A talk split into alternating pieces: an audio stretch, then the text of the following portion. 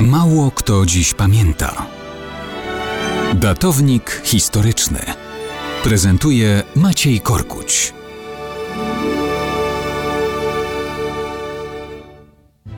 Zapewne wiele osób będzie dziś pamiętać, że 19 kwietnia 1943 roku rozpoczęło się powstanie w getcie warszawskim. Operacją likwidacji getta dowodził SS Brigadeführer Jürgen Stroop, który sporządził potem detaliczny raport na ten temat.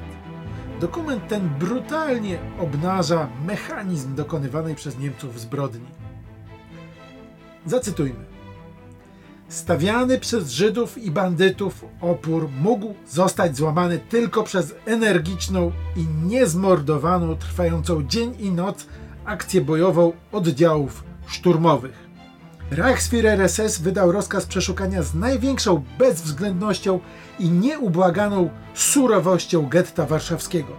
Dlatego też zdecydowałem się teraz na całkowite zniszczenie żydowskiej dzielnicy mieszkaniowej przez spalenie wszystkich bloków mieszkalnych, łącznie z blokami przy zakładach zbrojeniowych. Systematycznie opróżniono jeden po drugim zakład i niezwłocznie podpalano. Wtedy Żydzi prawie zawsze wychodzili ze swych kryjówek i bunkrów. Nieraz Żydzi pozostawali w płonących domach tak długo, aż wreszcie z powodu żaru i obawy przed śmiercią w płomieniach woleli wyskakiwać z pięter po uprzednim zrzuceniu na ulicę materaców. Z połamanymi kośćmi usiłowali się oni potem jeszcze czołgać przez ulicę do bloków. Często zmieniali Żydzi swe kryjówki w nocy, przenosząc się do wypalonych już ruin, gdzie znajdowali schronienie dopóty, dopóki nie znalazły ich tam oddziały szturmowe. SS-mani, policjanci lub saperzy Wehrmachtu odważnie wchodzili do szybu kanałów, ażeby wyciągnąć Żydów i nierzadko potykali się o ciała nieżywych już Żydów, albo też byli ostrzeliwani.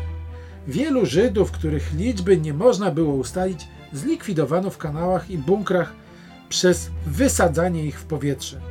Im dłużej trwał opór, tym twardsi byli żołnierze formacji wojskowych, SS, policji i Wehrmachtu, którzy spełniali niezmordowanie swoje zadanie.